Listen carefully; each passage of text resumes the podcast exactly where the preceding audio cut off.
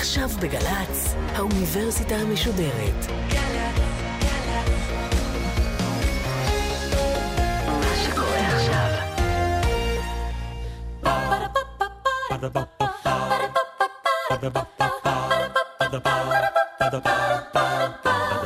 האוניברסיטה המשודרת בשיתוף מיזם וויז מציגה המדען העירום, מיטב החוקרים בישראל בפגישה אישית עם בן שני. והפעם שיחה נוספת עם הפרופסור אמנון שעשוע, שותף מייסד של חברת מובילאיי ופרופסור במחלקה למדעי המחשב באוניברסיטה העברית על בינה מלאכותית.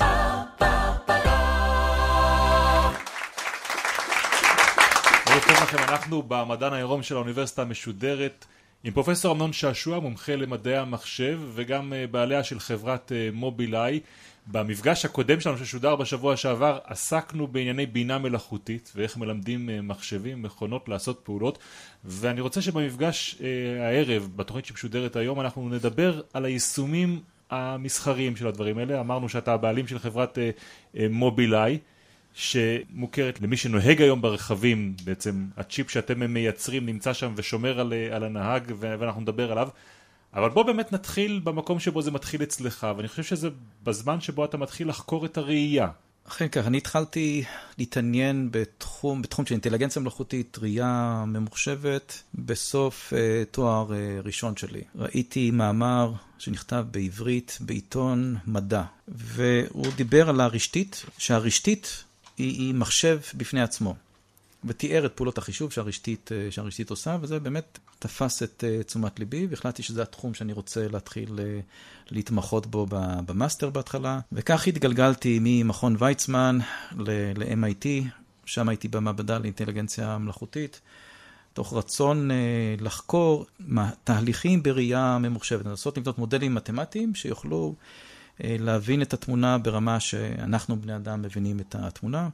אז אנחנו מדברים על סוף שנות ה-80, תחילת שנות ה-90, ההצלחות בתחום הזה הן היו מאוד מאוד uh, מדודות, אבל היו כמה רעיונות uh, טובים, שמהרעיונות הטובים האלה הקמתי בשנת 95 את חברת קוגניטנס. חברת קוגניטנס עסקה בסנסור מבוססי מצלמה שמצלמים חלקי רכב אה, גדולים ובונים מודל תלת-ממדי מאוד מדויק. אבל אמרת קודם שהרשתית היא בעצם בנויה כמו מחשב, כמו מכונה. אתה יכול להסביר לנו באופן קיברנטי בעצם את הפעולה ש... של... שנקראת ראייה? איזה מערכות פועלות ואיזה החלטות הן מקבלות בדרך? מערכת הראייה במוח האנושי הוא מאוד מורכב. בערך 50% מהמוח שלנו עסוק בניתוח ראייה. זה מתחיל מהרשתית, לרשתית יש photoreceptors, אה, שהם קולטני אור כמו שיש במצלמה דיגיטלית, אבל מעבר לזה יש עוד שכבות של נוירונים שמחלצות מידע מתוך התמונה, כמו לכאן, היכן נמצאים הפינות בתמונה, edges בתמונה, מעברים בין צבעים, מעברים בין אה, בהיר לכהה. אותה משמעות אה, בסיסית עוברת הלאה למוח. עכשיו, במוח עצמו, אומר שוב, 50% מהמוח עסוק אך ורק בלהוציא משמעות מהתמונה. ולכן לנו זה נראה מאוד קל, אבל למחשב זה מאוד קשה, כי לא ברור לנו מה בדיוק צריך לעשות על מנת להוציא משמעות כזאת מפורטת, כמו שאנחנו בני אדם יוצאים, יודעים להוציא משמעות מהתמונה. ולכן זה ריתק אותי בתור תחום אה, מחקר. זה התחום המחקר שעסקתי בו בדוקטורט, ואני עדיין עוסק בו היום, כפרופסור באוניברסיטה העברית. ו... וכמה מהגילויים שהיו במהלך הדוקטורט בשלו לחברת קוגניטנס. קוגניטנס מכרה את המוצרים שלה לתעשיית הרכב. מה היו המוצרים? זה uh, מערכת uh, אופטית עם מחשב שמצלם חלקי רכב גדולים, יכול להיות פגוש, ובונה מודל תלת-ממדי בדיוק של עשרות מיקרונים. אז מצלמה שמבצעת למעשה בקרת איכות במפעל. בקרת איכות במפעל בייצור של, בייצור רכבים. כתוצאה מכך נחשפתי גם לתעשיית הרכב, ובאחד המפגשים שלי בתעשיית הרכב נתתי איזו הרצאה, וניגשו אליי כמה אנשים וביקשו להתייעץ על הרצון לבנות מערכת למניעת תאונות שמבוססת על זוג מצלמות, סטריאו. כמו שלנו יש זוג עיניים, אנחנו יכולים לבנות מפה תלת-ממדית. אז כך הם רצו לבנות זוג מצלמות שיצרו מפה תלת-ממדית, ומפה תלת-ממדית למצוא את הרכבים, הולכי רגל, ולמנוע תאונות. כי בלי בעצם זוג מצלמות, אתה לא יכול לייצר מודד תלת-ממדי? כך הם חשבו, אבל זה לא נכון. אז כשהם אה, אמרו לי את זה, אז הדבר הראשון שקפצתי ואמרתי, אבל למה אתם צריכים זוג מצלמות? זאת אומרת, אם אני עוצם עין, אני לא מתעוור. אבל מבחינת היישום, מה ניטרלת ברגע הזה? איזה קושי, או מה חסכת ברגע שאמרת אני יכול לעשות עם מצלמה אחת מה שכולם okay. אוקיי. רוצים לעשות עם שתיים? שאלה מצוינת. כי אם אתה זוג מצלמות, אז צריך להיות מרחק בין המצלמות. כדי לעשות סטריאוסקופיה צריך מרחק, כמו שלנו יש מרחק בין שני העיניים. כדי לחצת תלת מימד למרחק של בערך 100 מטר, צריך מרחק די גדול בין המצלמות. אז זה יוצר כאן קושי של פקג'ינג, לשים את המצלמות האלה אה, ברכב. זה יוצר עוד צורך בעלות. יש לך עוד מצלמה, עוד כוח חישוב שאתה, שאתה צריך. אם אתה יכול לעשות את כל הפעולות האלה עם מצלמה בודדת, המיקום ברכב הוא כבר נהיה מאוד מאוד אה, קומפקטי, מאוד מצומצם.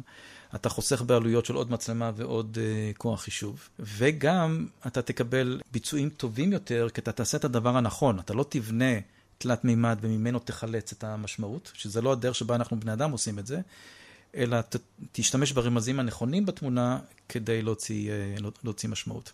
אז אמרתי להם את זה, והם אמרו לי, לא, זה לא אפשרי. שלחו אותך.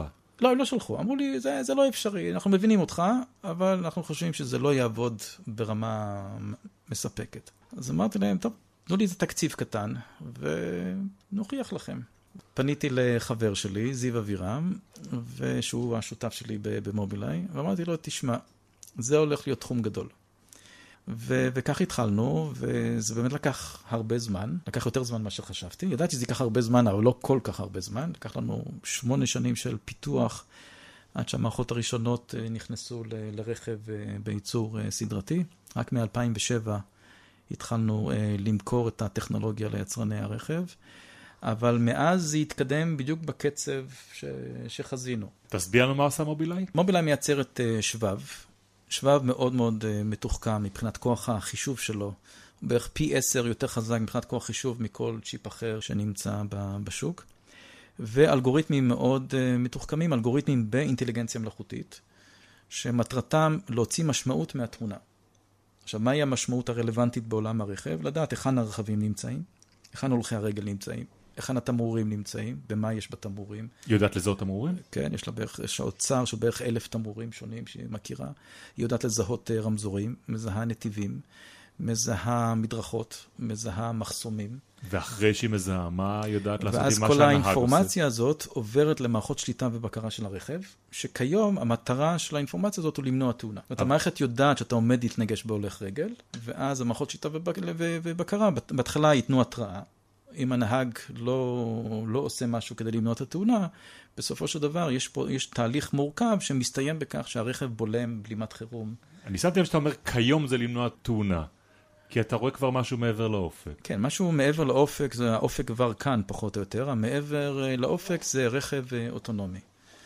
היכולת לתת שליטה מלאה ל, לרכב, מתי שהנהג רוצה, לתת שליטה מלאה ל, לרכב. להביא אותו לטייס אוטומטי. וזה מתחיל כבר לצאת בחודשים, 2016 זה השנה שבה מספר יצרני רכב יוצאים עם היכולת הזאת. בהתחלה זה רק, ברכב, רק בכבישים בין עירוניים, לא, לא בכבישים עירוניים. בתחילה הנהג צריך להיות uh, ערני, כי המערכת היא לא מושלמת, היא יכולה לעשות uh, טעויות. אבל בהמשך הדרך, 2017, 2018, 2019, זה גם יגיע לשטחים עירוניים. רגע, תן לנו הסבר, מה הולך לקרות פה ב-2016? כבר יצאו דגמים ראשונים שידעו לעשות מה? תוכל ללחוץ על כפתור, לעזוב את ההגה, לעזוב את הגז, לעזוב את, ה, את הברקס, והרכב שלך ימשיך בנתיב. וגם ישנה נתיבים, בשלב ראשון אתה צריך לתת אינדיקציה לשינוי אה, נתיב. אתה התחייבת פה על תאריך. לא התחייבת, כן, אבל אמרת, ב-2016... לא, זה מידע ציבורי, יצרני הרכב כבר, GM כבר הכריזה על קדילק, אה, יש לו מערכת שנקראת סופר קרוז, שייצא ב-2016, עם התכונות שתיארתי. טסלה הכריזה, לא רק שהכריזה שזה יצא ב-2016, הכריזה שזה יצא עוד השנה. ואנחנו עובדים עם עוד ארבעה יצרני אה, רכב לתוכניות ייצור לקראת 2017-2018. ועובדים עם עוד 13 יצרני רכב לפיתוח מערכות כאלה שייצאו 2019-2020. אז זה לא מדע בדיוני וזה לא באופק, האופק אה, כבר, אה, כבר כאן. וזה יוביל אותנו בצעדים מדודים, כלומר בעוד כעשר שנים, רכב שלגמרי נוהג אוטונומי. זאת אומרת, אתה לא צריך נהג שיושב מאחורי, מאחורי ההגה, שיכול לקחת אותנו מנקודה א' לנקודה ב', באופן אוטונומי לגמרי. אתה מגיע לקטע כביש אה, שהוא אה, נראה לך משעמם. נאמר, דמיין כביש מספר 1 מירושלים לתל אביב, אחרי שעברת את שער הגיא, יש איזה קטע של 30 קילומטר שזה סתם.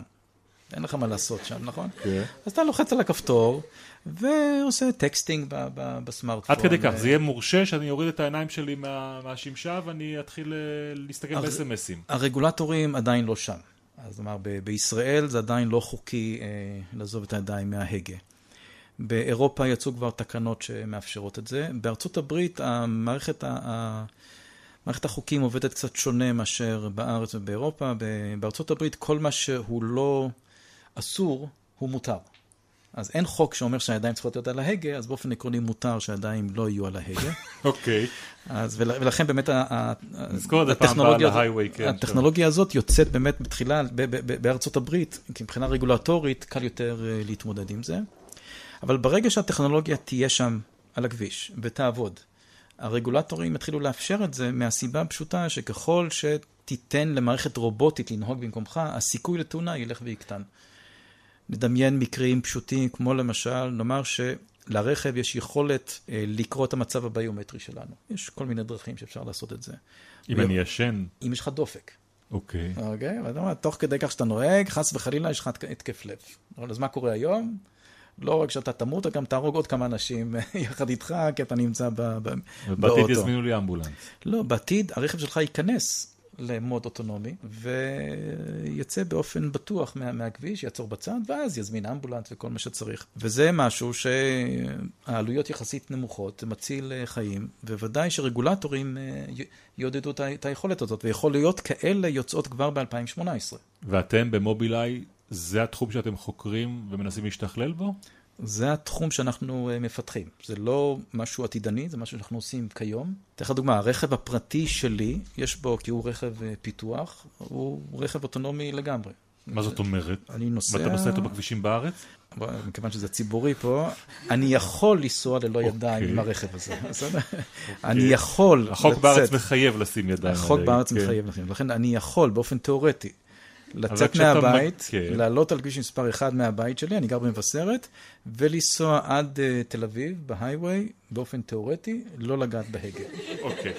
ולאן זה מוביל? זה מוביל באמת משהו שהוא אה, מייצר שינוי חברתי או, או שינוי תעשייתי די עמוק. זאת אומרת, אם הרכבים שלנו יכולים אה, לנסוע אוטונומי ולהיות מעורבים ב-0% אה, תאונות, יכול להיות שכל מבנה הבעלות על רכבים גם כן תשתנה. כי בעצם הרכב יבוא לאסוף אותך הרכב מהבית, יכול לבוא לאסוף אותך מהבית. ייקח את הילדים כן. שלך לחוג או ייקח אותם בחזרה, נכון. ופחות או יותר יהפוך להיות דבר שהוא שקוף לך, אתה משתמש נכון, בו כמו נכון. תחבורה ציבורית. נכון, מדברים על זה שיכול להיות, ברגע שטכנולוגיה כזאת כבר תהיה סטנדרט, שכמות הרכבים בעולם תצטמצם בערך כ-50 אחוז. זה אומר משהו אולי על היצרנים ועל המוטיבציה שלהם בעניין הזה. כן, אז היצרנים אה, נערכים לזה. זה, כל היצרני הרכב עובדים על, על רכב אה, אוטונומי. אז אם רוצים להבין משהו על אה, מובילאיי ו- ועל מה שהיא עשתה בתחום הרכב ומה צופים לה, צריך להסתכל פשוט על השוק. החברה הזאת הונפקה בארצות הברית בוול סטריט לפי שווי של 5.8 מיליארד דולר. מתי זה היה? זה היה באוגוסט 2014, זה היה 5.3 מיליארד דולר, אני חושב. לא כך משנה, כן. כי לפני שנכנסנו להרצאה הזאת, בדקנו כמה היא שווה היום, עשרה מיליארד דולר שווה החברה הזאת. כן, אכן, עשרה מיליארד דולר, אבל אה, אני בתור יזם ואקזקיוטיב של החברה, אין לנו שום שליטה בשווי החברה. מהרגע שהחברה נהייתה ציבורית, המניה יש לה את החיים משלה. בוא נדבר באמת על מוצר אחר של חברה אחרת שלך, חברת אה, אורקם. למעשה מדובר במשקפיים שמסייעים ללקויי ראייה, נכון? החלום הפיתוחי כאן היה, אנחנו מפתחים אה, יכולת של הבנת אה, תמונה. הדרך שבה אני, אני, אני רואה את זה, שבעתיד יהיה סביבנו או עלינו מצלמה שהיא כל הזמן עושה עיבוד, לא, לא לצורך צילום ו- ולקחת תמונות ולשים באלבום שלנו, אלא לצורך להבין את, את העולם אה, סביבנו, ומבינה את התמונה ונותנת ערך. אז בעולם של מובילאיי זה מאוד ברור איפה המצלמה, המצלמה נמצאת באוטו, כאשר אנחנו נמצאים באוטו, המצלמה הזאת מפענחת את התמונה שאנחנו רואים במקביל אלינו, ומשתמשת בפענוח הזה כדי לעזור לנו, או כדי למנוע תאונות, או כדי לנהוג אה, באופן אוטונומי ברכב. מה שריתק אותי ועניין אותי לראות מה אני יכול לעשות אם המצלמה נמצאת עלינו. אלא המצלמה נישאת, wearable computing, wearable vision. אז נאמר, אמרתי לעצמי, נאמר שיש עליי מצלמה, מסתכלת לכיוון שאני מסתכל, ומבינה את העולם ברמה שאני מבין אותה. מי ירצה להשתמש במשהו כזה? אז מאוד מאוד ברור שמי שירצה משהו כזה, זה כבדי ראייה ו... ועיוורים. כבד ראייה או עיוור, מסתכל על העולם הוויזואלי ולא מצליח להוציא ממנו משמעות כמונו. עיוור לא מצליח להוציא בכלל משמעות, כבד ראייה מוציא מעט מאוד אה, משמעות. עכשיו, אם היה לכבד ראייה או לעיוור מצלמה שמסוגלת לפענח את התמונה ברמה מאוד מאוד גבוהה ומדברת אליו, המצלמה מדברת על ידי אוזנייה, מספרת לכבד ראייה מה היא רואה. רמזור אדום. היא רואה רמזור אדום, היא רואה אוטובוס שמספרו 38. היא רואה עיתון והיא רואה את האצבע של המשתמש על איזשהו קטע של העיתון, מתחילה להקריא לו את העיתון. היא רואה את המשתמש מחזיק במוצר שהיא מכירה, אז היא אומרת לו מה המוצר, כמו למשל זה שטר של 50 שקלים. עשרה דולר, ככה. זאת היא מבינה את העולם הוויזואלי ברמה מאוד מאוד גבוהה. מעבר לכך, היא מבינה מה ה user רוצה לדעת מה, מהעולם. זאת אומרת, אם ה user מסתכל ורואה אוטובוס, המצלמה מבינה שהמשתמש לא מעוניין לדעת שמגיע אוטובוס, כי הוא יודע שמגיע אוטובוס, הוא שומע, הוא רואה איזשהו צללית, הוא רוצה לדעת מה, או היא רוצה לדעת מה מספר האוטובוס. לכן המצלמה מספיק אינטליגנטית להבין שבקונטקסט שאני רואה אוטובוס, שאני מזהה אוטובוס, מה שהמשתמש רוצה לדעת זה מספר אוטובוס. או בקונטקסט של אני רואה רמזור, מה שהמשתמש רוצה לדעת זה מה צבע הרמזור וכך הלאה. נדמיין את זה כמעין עוזר אישי שנמצא צמוד למשתמש. עם ראייה תקינה ועם אינטליגנציה בסיסית שבאמצעותה העוזר הזה מבין מה המשתמש רוצה לדעת מהעולם הוויזואלי ולוחש לו אה, באוזן אה, כל הזמן. באיזה שלב נמצא המוצר הזה היום? אנחנו התחלנו לפתח אותו ב-2010. בקיץ 2013 יצאה כתבה גדולה ויפה בניו יורק טיימס, ב science section של הניו יורק טיימס על, אה, על אורקאם, וזה היה השלב שבו השקנו את האתר של החברה, ובנינו פיילוט של 100 משתמשים אה, ראשונים, שקיבלו את המוצר בינואר שנה שעברה. יש לנו בערך 30 אלף איש ברשימות המתנה. שכבר רוצים לרכוש משקפיים. כן, שכבר שמו down payment ורוצים אה, אתה יודע, אני חייב לשאול אותך בעניין הזה. כאלה. כי במהלך התקופה שאתה מתאר, גוגל יצאה עם המיזם השאפתני שלה של הגוגל גלאס. שלתחושתי נעלם וכלא היה כמעט. אתה יודע להסביר מדוע הוא לא הצליח? אני חושב שגוגל גלאס פונה לשוק אחר uh, לגמרי. גוגל גלאס לא פונה לשוק של עיבוד תמונה, של הבנת uh, תמונה. הוא פונה לשוק של סמארט וואץ' שנמצא על הפנים שלך, כי אתה יכול לקבל את ה-SMSים, יכול לקבל את האימיילים. טכנולוגיה לבישה. טכנולוגיה לבישה, אבל יש שם מצלמה, אבל המטרה של המצלמה הוא שתצלם תמונות, תעלה אותם לפייסבוק, תעלה אותם לגוגל פלאס, או לאן שתעלה אותם, או תצלם איזה סרטון וידאו ותשתף חברים שלך. אין כאן את הרצון לאבד תמונה ולהבין את העולם הוויזואלי אה, באופן, אה, באופן רציף, אה, גם זה לא בנוי לכך. ואני חושב שאנחנו נשמע עוד מגוגל. לפי מה שאני יודע, הם עשו הפסקה, עשו איזשהו שינוי כיוון, והם עומדים לצאת עם גוגל גלאס 2.0 מתישהו בזמן, בזמן הקרוב. אנחנו עם פרופסור אמנון שעשוע, מומחה למדעי המחשב ולבינה מלאכותית ויושב ראש מייסד של חברת אה, מובילאיי. ואנחנו נמצאים פה בפני קהל בבסיס אה, אמן מחקר בקריה בתל אביב. קהל שלא יכול להזדהות בשמות שלו, אבל אני מניח שאחרי הדברים שהוא שמע עכשיו, יש לו מה לשאול אותך, בבקשה. כן. Uh, בנוגע לנהיגה אוטונומית, אתה אמרת שתשתיות, uh, אתה לא, לא מתוכננות להשתנות התשתיות, שמדובר ברכבים uh, עצמאיים שמבינים את מה שקורה סביבם ויודעים להתנהג בהתאם. אבל לי נדמה ש... שה... יעילות מגיעה עם תקשורת בין הרכבים האלה, אה, מהירויות גבוהות יותר, כאילו נשמע לי שמכונית שיודעת לתקשר עם עוד מכוניות אוטונומיות יכולות ליצור מערכת שהיא שונה לגמרי ממה שקורה היום. אה, בהחלט, קישוריות בין רכבים זה משהו שעובדים עליו. הערכה שבעוד כעשר שנים נראה את זה במכוניות. הבעיה שקישוריות בין רכבים יכולה לעבוד רק כאשר כל הרכבים מקושרים בינם לבין עצמם, וזה קצת חסם פרקטי. כי כל יצרן רכב יש לו את התוכניות אה, שלו, צריך שכל הרכבים, כולל גם כל הרכבים הישנים, לא הרכבים המודרניים, יהיו מקושרים על מנת שאפשר יהיה לעשות אה, אפקט. אבל בהחלט התעשייה מדברת על זה ועובדת בכיוון הזה, וזה יהיה נדבך נוסף על כל מה שאמרתי מקודם, נדבך נוסף על סנסורים שמבינים את העולם הוויזואליים. אה, ומבינים לאן צריך לנסוע ואיך לנסוע, כי שירויות בין רכבים יכולה להיות עוד שכבה שנמצאת מעל, כדי לקחת אותנו מיכולת אנושית ליכולת סופר אנושית. קישוריות בין רכב לתשתית היא מאוד בעייתית, כי אין כסף בתשתיות. הבעיה פה, היכן נמצא הכסף? יצרני רכב הם אחראים לפלטפורמה של הרכב, והם שמים שם את הסנסורים, כי הנהגים מוכנים אה, לשלם עבורם. תשתיות, מי משלם עבור תשתיות? זה מיסים שלנו. כל הדיבורים על תשתיות חכמות יותר שהיו ב-20 שנה האחרונות מעולם לא, לא צלחו. אני לא מאמין על שינויים גדולים בתשתית.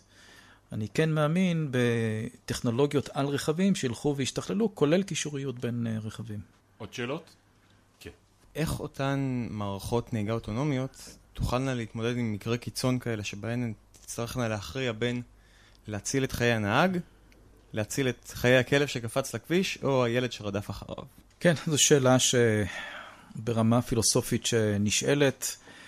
אם הרכב האוטונומי שלך יכול להחליט אה, למנוע תאונה עם רכב על, על חשבון לדרוס אה, כלב או על חשבון לדרוס אה, ילד, אה, אני לא חושב שזה תשובות טובות. התשובה שאני חושב שבסופו של דבר המערכת הזאת תתכנס, הוא להוריד את כל החשיבה הפילוסופית מתוך העניין ולה, ולהגביל את מה שרכב אוטונומי יכול לעשות. למשל, נהג אנושי יכול להחליט להימנע מתאונה על ידי היגוי החוצה ממצב התאונה, לא רק על ידי uh, בלימה. היגוי החוצה מתאונה הוא זה שיוצר את כל הבעיות הפילוסופיות האלה, כי אתה יוצא החוצה מהתאונה ודורס uh, ילד. אבל לא נכנסת במכונית, כי אתה אומר לעצמך, אם אני אכנס במכונית אני אהרג. לעומת זאת, אם אני אדרוס ילד, בסדר, מה, מה, מה אפשר לעשות? אז אנחנו לא רוצים שמערכת רובוטית תגיע לסיטואציה הזאת, לכן אני מאמין שמערכת רובוטית תוגבל להימנעות מתאונה רק על ידי בלימה, לא על ידי uh, היגוי. זו תפיסה שלי, זו לא תפיסה שכרגע התעשייה מדברת עליה, אבל אני חושב שבגלל הבעיות האתיות האלה שאתה, שאתה מעלה, לשם אנחנו uh, נגיע. אוקיי, okay, אז אני רציתי לשאול אותך לקראת סיום. דיברנו על המובילאיי, הטכנולוגיה הזאת שכבר תפסה ו- ונמצאת בכל כך הרבה uh, כלי רכב. דיברנו על אורכם ועל המשקפיים שלה שעומדת לפני uh, ייצור. מה הדבר הבא? על מה אתה חושב, זומם uh, בעתיד? אני כל הזמן חושב על הדברים הבאים. הדבר הבא, עדיין בתחום של uh, מצלמה נישאת על בני אדם, אנחנו חושבים על uh, מצלמה שהיא לא יושבת על משקפיים. אני לא, אני לא מאמין במצלמות על משקפיים. זאת אומרת, לכבד ראייה אין ברירה, אבל לאדם שיש לו ראייה תקינה, אני לא מאמין על מצלמות על משקפיים, כי חצי מהאוכלוסייה אין לה משקפיים, וגם אם אתה מרכיב משקפיים, לא בטוח שאתה רוצה להיראות כזה סייבורג עם מצלמה. אבל אני כן מאמין שאפשר למקם מצלמה במקומות אחרים, כמו למשל בכפתור של אה, חולצה, ועם היכולת של הבנת אה, תמונה ברמה מאוד אה, גבוהה, אפשר לייצר ערך גם לבני אדם רואים. במיוחד בקישוריות בין העולם הפיזי לעולם הווירטואלי. כלומר, כשאני מסתובב עם מצלמה בכפתור החולצה שלי, מה נאמר, נאמר שאתה חבר שלי בפייסבוק או בטוויטר, ואני עוקב אחריך, אתה עוקב אחריי, ואנחנו נפגשים, והמצלמה כבר מכירה אותך. היא יכולה להקפיץ לי על הסמארטפון את כל הדברים המשותפים בינינו, להזכיר לי מה הדברים המשותפים אה, בינינו. אני חושב על אנשים שמגיעים לאיזשהו אירוע קוקטייל וניגש מישהו ומעבר להם שלום, והם לא בדיוק זוכרים מי זה הבן אדם הזה, וישר יגידו לו מה השם שלו. זה ודאי, מנכ"ל של חברה שיש לו מאות אה, עובדים, והוא אה, מסתובב ולא נעים לו להודות בכך שהוא לא מכיר את השמות של העובדים שלו, אז יהיה לו אוזנייה באוזן שתלחש לו את השמות של האנשים שהוא רואה. אפשר לדמיין מגוון דברים על, על יכולת נישאת כזאת. טוב, אני רק מדמיין את, ה, את הבעייתיות שיכולה אחר כך להיווצר עם המוצרים האלה, אבל זה כמובן גורלה של כל המצאה. פרופסור אמנון שעשוע, תודה רבה רבה לך על השיחה הזאת, זה היה מרתק לשמוע אותה.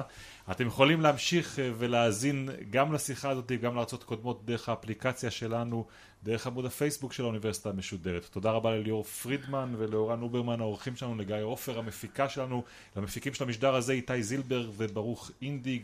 תודה לאביגיל קוש על התחקיר, תודה גם לרוסטיק שליגין, תודה מיוחדת לאוריה בכך שלנו בגלי צה"ל, על הביצוע הטכני בני יהודאי וליעד גרושקה. המשיכו להקשיב לנו, לעקוב אחרינו אה, דרך עמוד הפייסבוק של המדען העירום באוניברסיטה המשודרת. להתראות, לילה טוב.